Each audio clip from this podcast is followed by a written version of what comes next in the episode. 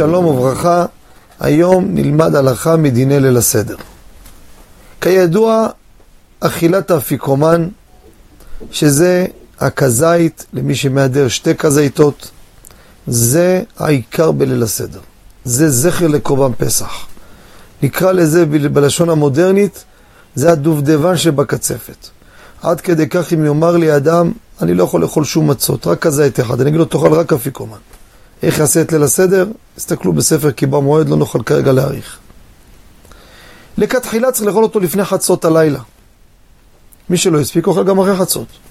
עכשיו, מה קורה? מגיע חצות. בערך השנה תשפ"א, חצות זה בערך בשעה רבע לאחת בלילה. כי מוזיזים את השעון לשעון קיץ לפני החג. אדם מתקרב לשעה 12.35, 12.40, ועדיין מרוב שהאריכו בהגדה, עוד לא הוציאו את המנה העיקרית, שולחן עורך. אם יאכל אפיקומן, אחרי אפיקומן אסור לאכול, מה יעשה?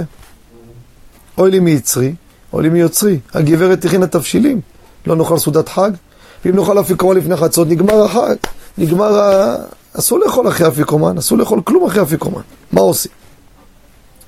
אז יש לזה פתרון.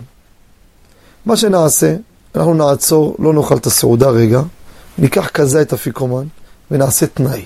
נגיד כך, אם ההלכה שזמנה עד חצות הלילה, אני אוכל עכשיו את האפיקומן הזה לצאת ידי חובה. לאחר מכן, אני אוכל מהתבשילים. מה קורה אדם שאכל תבשילים אחרי אפיקומן? צריך לאכול אפיקומן עוד פעם. נאכל בסוף הסעודה, מתי? באחד וחצי, שתיים בלילה, עוד אפיקומן. ונאמר, אם לא יצאנו בראשון, נצא בשני.